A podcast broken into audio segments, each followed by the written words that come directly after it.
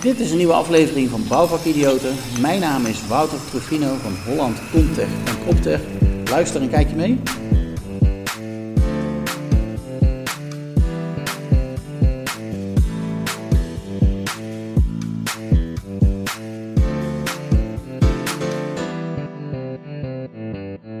Hey, super tof dat je weer kijkt of luistert naar een nieuwe aflevering van Bouwvakidioten. En ik ben hier in Amsterdam bij Wouter Trofino. Ja. Wouter, goedemorgen. Goedemorgen, leuk dat je Vrijdag, er bent. vrijdag 9 uur. Ja, Ja, en de reden dat ik hier ben, ja, die is eigenlijk ook simpel, maar ook mooi. Want ik had namelijk de 500ste volger op LinkedIn, dat was jij. ja toevallig.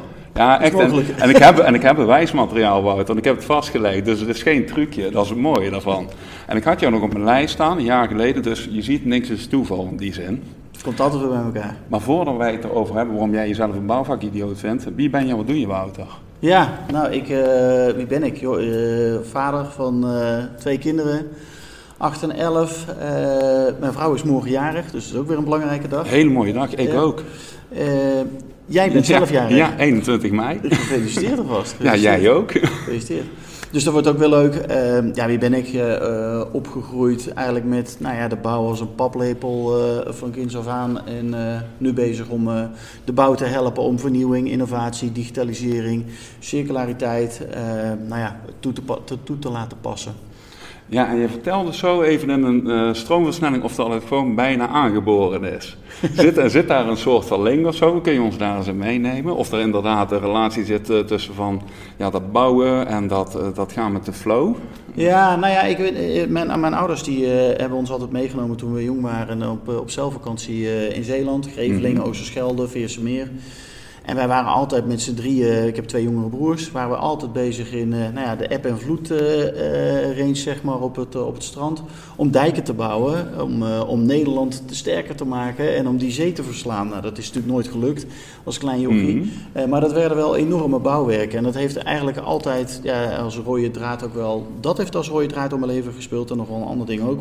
Maar de, die, die dijken altijd, ook nu nog steeds. eh, als wij op vakantie gaan naar Zuid-Frankrijk, dan gaan de scheps gaan mee. En dan worden er enorme heuvels gebouwd.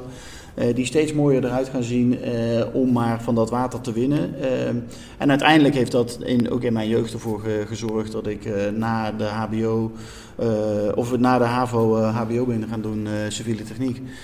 En dan kom je in het wereldje en dan blijf je daar eh, in, hangen. Ja, Ja. want als ik even terug mag naar die, naar die dijken bouwen, hè, wa- wa- wat gaf dat voor een gevoel voor jou dan als kleine jochie of kleine Wouter? Dat was gewoon een kick om eh, ervoor te zorgen dat we zo lang mogelijk dat water tegen konden houden. En dat, dat was als klein jochie, maar ook als groter jochie. dus eh, ik kan me ook heel goed herinneren dat we met mijn twee beste vrienden naar eh, La Rochelle op vakantie zijn geweest in, in Frankrijk. Nou, daar heb je helemaal een enorme eb- en vloedbeweging. Nou, dat, toen waren wij denk ik een jaar of 20, 22. En toen stonden we ook met twee vrienden gewoon als kleine jochies gewoon eh, eh, dijken te bouwen. En een dag later te kijken van hé, wat heeft die eb en vloed nou gedaan? En eh, kunnen we dat nog een stukje verder in de zee ook weer eens opnieuw doen? Dus we waren helemaal knettergek daarvan.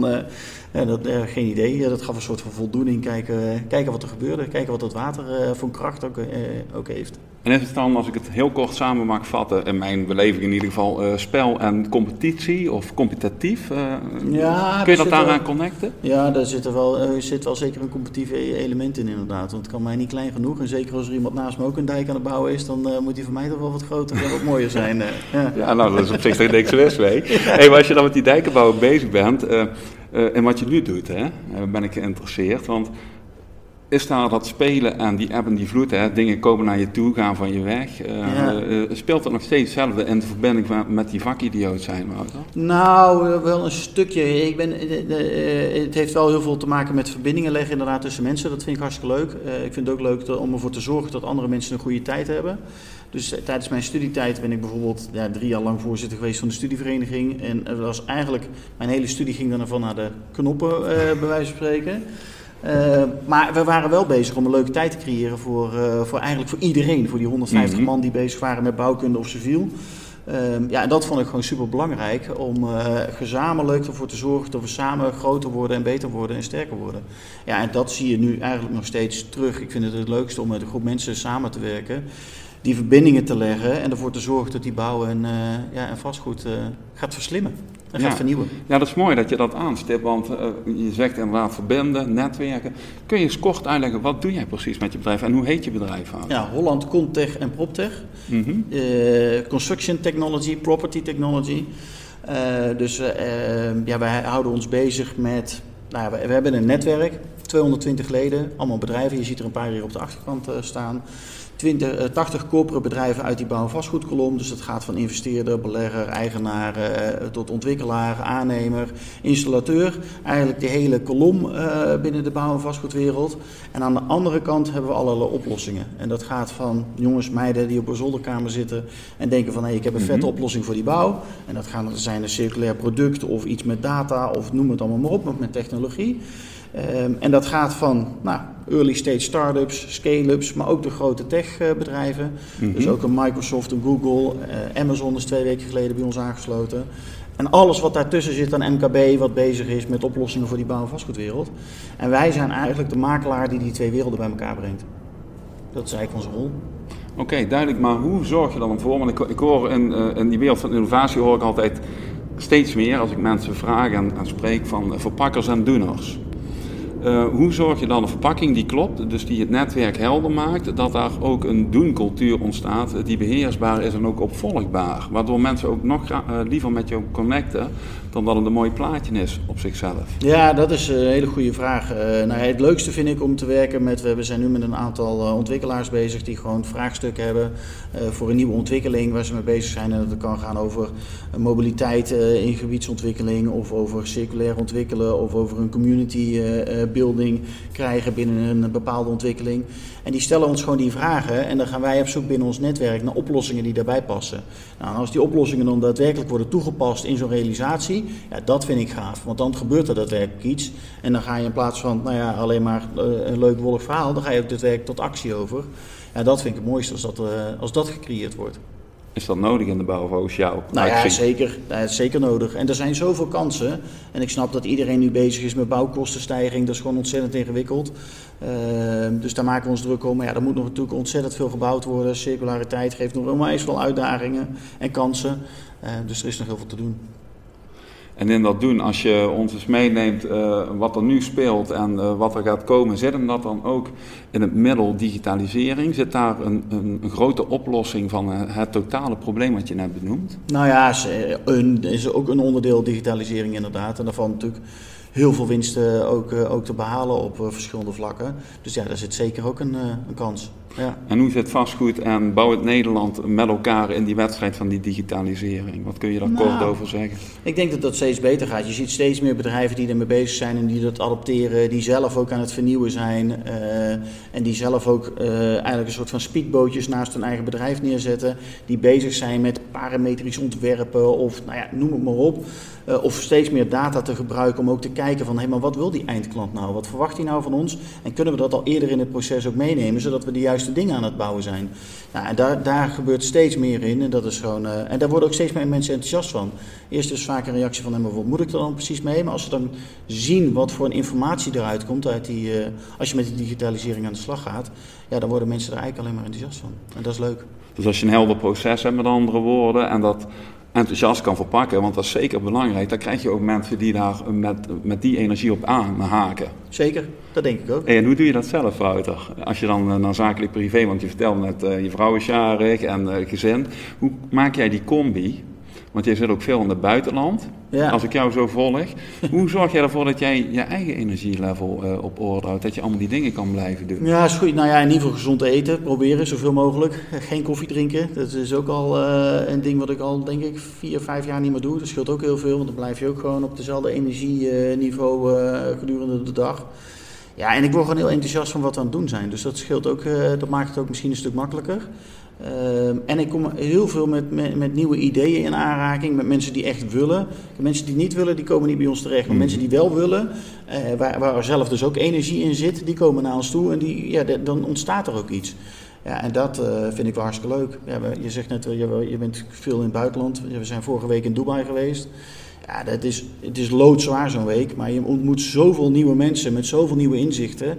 Dat je daar ook een hele bak energie weer van, van krijgt en weer meeneemt. En hoogstwaarschijnlijk ook nieuwe mogelijkheden ziet. Ja, ook dat. Ja, zeker. Ja. Want, hoe, want, hoe, kun je die kaderen? Want als ik naar mezelf kijk, als ik die gesprekken zo mag voeren, want zo voelt dat voor mij. Ik vind dat gewoon tof dat je de mogelijkheid creëert om met nieuwe mensen in contact te komen. Ja. Ehm, ik ga altijd met een bak ideeën en dan vind ik het heel moeilijk om binnen dat speelveld te blijven. omdat ik me besef, als ik alles in mijn hoofd wil omzetten naar realiteit, dat is gewoon niet haalbaar, toch? Nee, dat is bijna niet te doen. Hoe, hoe speel jij dat spel zodat je wel die focus houdt en toch kan groeien? Ja, dat is een hele goede vraag. En die is voor mij soms mak uh, heel ingewikkeld. Uh, Gelukkig, ik ben niet de enige. Nee, ja, want wij zien zoveel kansen, zoveel nieuwe ideeën. En ik wil eigenlijk alles gewoon doen. Dus ik ben heel blij met het team van, van, van zes dames die we hier hebben zitten. Die mij ook af en toe afremmen. Van Wouter, weet je nou wel zeker dat we dit ook moeten doen? en dat ook en dat ook. Kunnen we niet een keuze maken wat, we nou, wat echt belangrijk is?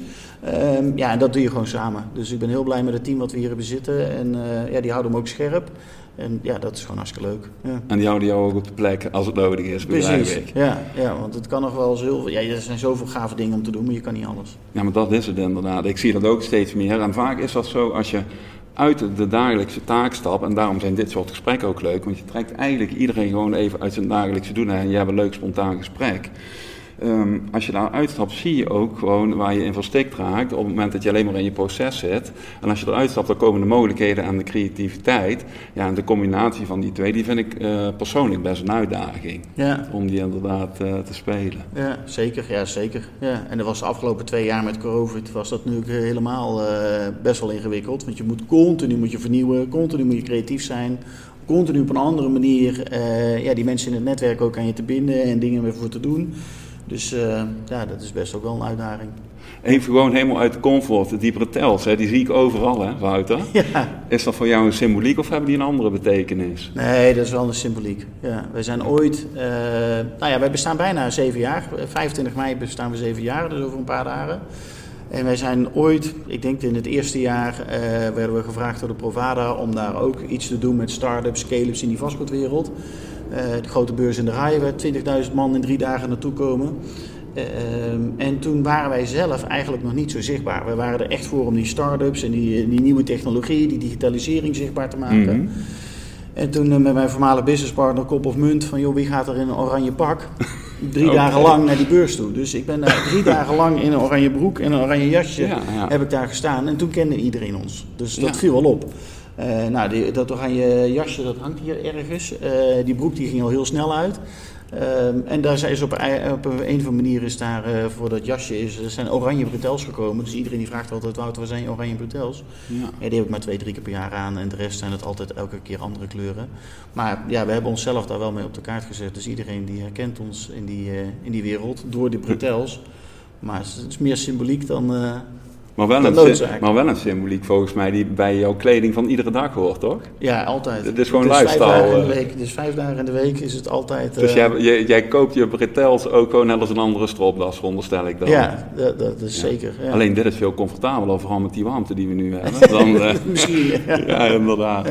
Hey, maar in het weekend zijn ze uit. Ja, in het weekend wel. In het weekend zijn ze wel uit. Maar er is wel veel oranje bij ons in huis. Dus ook in de zomervakanties oranje slippers. Uh, alles is oranje. Dus uh, ja. Als je naar de bouwwereld kijkt, we hadden het er net al een aantal keer over, best traditioneel, maar men beseft ook meer als nu uh, dat er digitale stappen moeten worden gemaakt om ja, met die middelen processen slimmer en sneller te maken en effectiever, om ook kosten laag te houden uiteraard, ja. want daar gaat het om. Zijn er dan nog uh, suggesties uh, die je uh, voorbij hebt zien komen vanuit jouw netwerk, waar je zegt van nou, als die hier deelt, dan heb je, heb je daar wat aan als luisteraar of kijker? Nou ja, Waarom? er zijn wel hele gave ontwikkelingen. Ik vind natuurlijk die hele digitaliseringsslag waar iedereen is zijn eigen fabriek aan het bouwen, nou, daar vind ik ook wel wat van. Maar het is hartstikke goed dat we daarmee aan de slag gaan, want dat laat gewoon zien dat die bouw in ontwikkeling is. Wat vind jij daarvan? Nou ja, je... het zou veel meer samen moeten, moeten gaan met elkaar en niet iedereen zijn eigen ding. Dus volgens mij mm -hmm. kunnen we nog veel meer samenwerken met elkaar. Maar het is prima dat het gebeurt. Want het gaat ons heel veel lessen geven mm -hmm. en, uh, en helpen. Maar ik denk dat qua uh, bouwvolume uh, in Nederland gewoon te klein is voor zoveel fabrieken. Maar dat zien we wel. Dan hebben we in ieder geval, we hebben, gaan in ieder geval heel ja, veel leren ja. de komende paar jaar. Ja. Dus dat is hartstikke goed.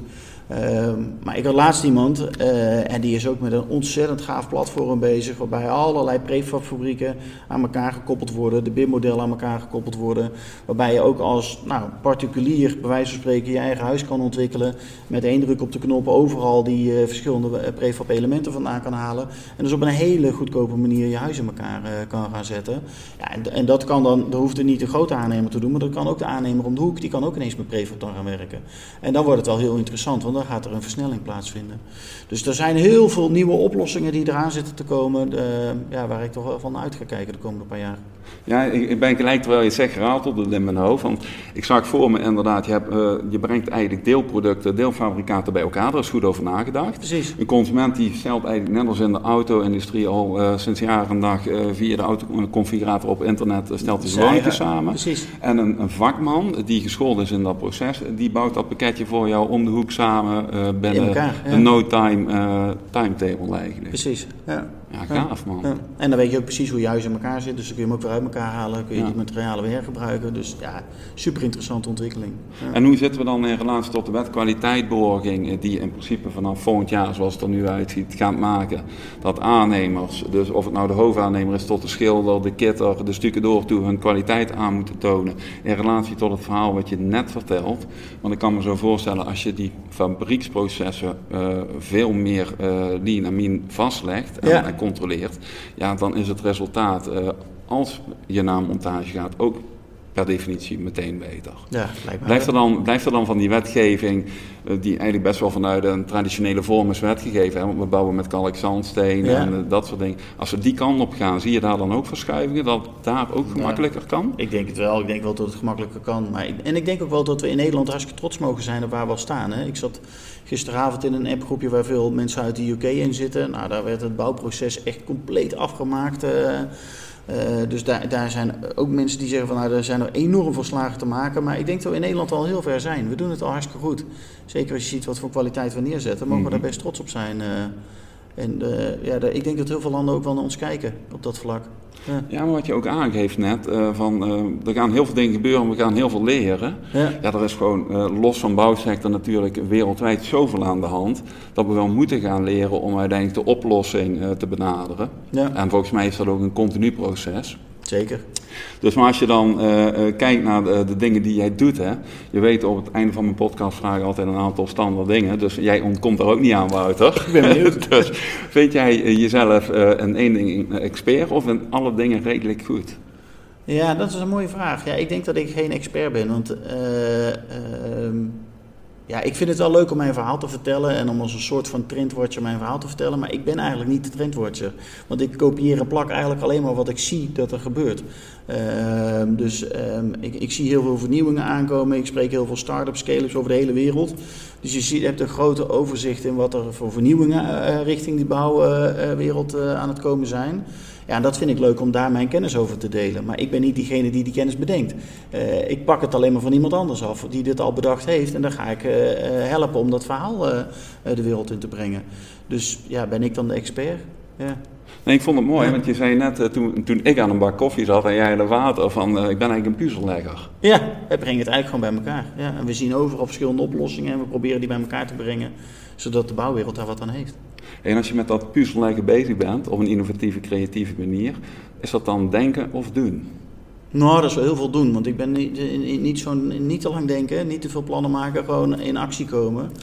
Uh, ja, dat is, uh, ja, daar word ik het meest gelukkig van. We hadden uh, van de week ook een, uh, een diner waar we een aantal vastgoedmensen bij elkaar waren. Ook iemand, een ontwikkelaar uit Maastricht, een ontwikkelaar uit Utrecht. En die zaten ook met een paar vraagstukken. Ik zeg, ja, je kan je wel helpen, want we hebben wel de oplossingen. Dus dan Mhm. proberen we gelijk die verbinding te maken met partijen die we kennen uit het netwerk. En dat, uh, ja... Dat is Gewoon gaaf. actie, precies. Ja, ik zie het aan je gezicht, Ja. dat is gaaf. Actie, precies. Dus, Ja. hey, uh, en als je dan in dat speelveld zit, kind of volwassen?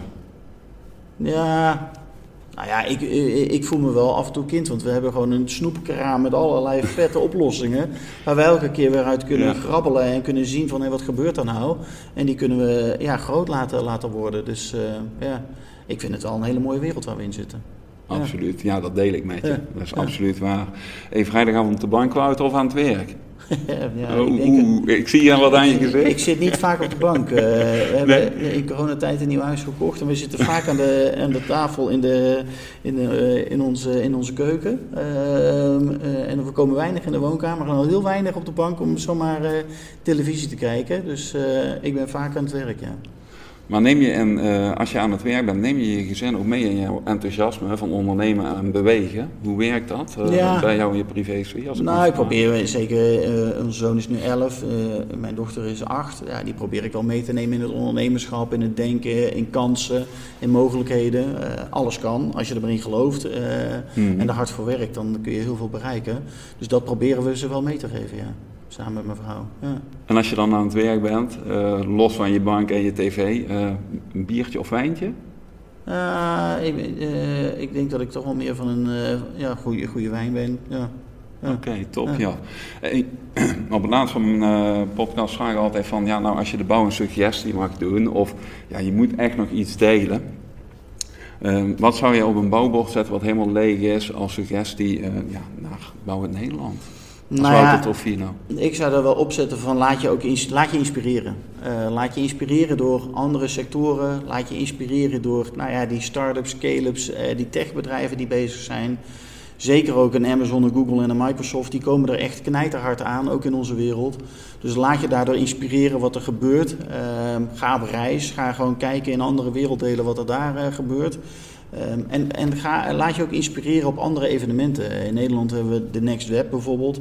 Evenement hier in Amsterdam in onze eigen achtertuin, waar de beste technologie van over de hele wereld één keer per jaar bij elkaar komt.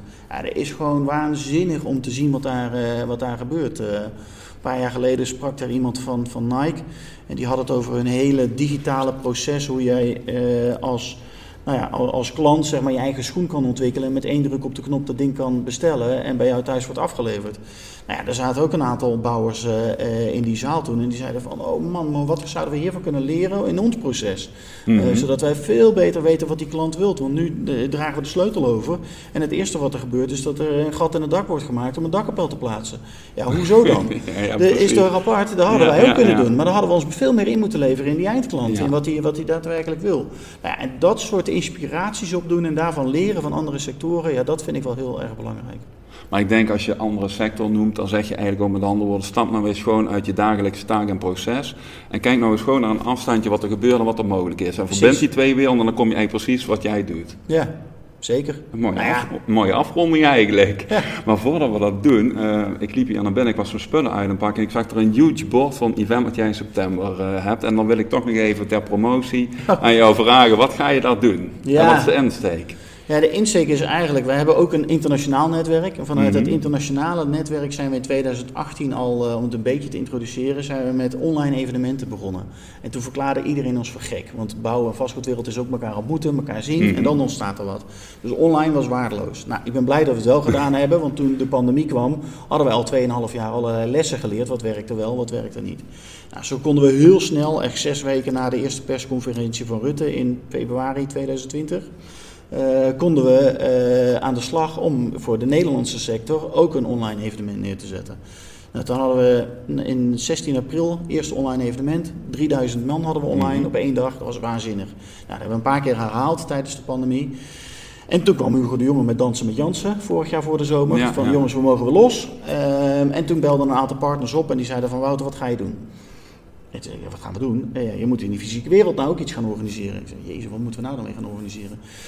Dus toen zei onder andere Michel Baars, maar ook met Petro van Heel, met heel veel mensen hebben we erover gesproken. Die zei van je moet een festival gaan organiseren voor die bouw- vastgoedwereld. Een kennisfestival over bouwen met hout, eh, de toekomst van de woningbouwopgave. Nou, noem het allemaal maar op. Allemaal dat soort vraagstukken die wat meer gaan over de toekomst van onze wereld. En toen uh, zaten we een paar dagen later met ABN AMRO en die zeiden Wouter, je mag, we vinden dit zo'n leuk idee, we willen je cirkel ter beschikking geven. En toen dacht ik, weet je wat we gaan doen? We gaan op de Zuidas, gaan we al die bouw- en vastgoedbedrijven die daar zitten en al die ontwikkelaars, gaan we uitnodigen om te kijken of we daar gebruik mogen maken van hun kantoor. En dan gaan we in die kantoren, gaan we allerlei ronde tafels, kennissessies, en we gaan excursies gaan we organiseren. We gaan van alles en nog wat doen. En misschien wel een padeltoernooi. Dus het moet ook leuk zijn. We hebben de restaurants betrokken op de Zuidas. Um, om te kijken of we gewoon een driedaags evenement kunnen organiseren. Waarbij we 750 mensen bij elkaar willen brengen. En die willen laten inspireren over die toekomst van onze wereld. En dat is wat we gaan doen, 20 tot 22 september. Interessante vraag. Zijn er nog tickets? Kun je nog meedoen? Ja, ja, zeker. Dus je gaat naar www.rebf.nl eh, van Real Estate Building Futureproof.nl, dan uh, kun je daar zeker nog tickets krijgen. Mensen de agenda vrij willen houden, Wouter, wanneer is het? 20 tot 22 september, okay. na de zomer. Hopen we op een beetje mooi weer. Dan kunnen we buiten ook netwerken ja. met elkaar.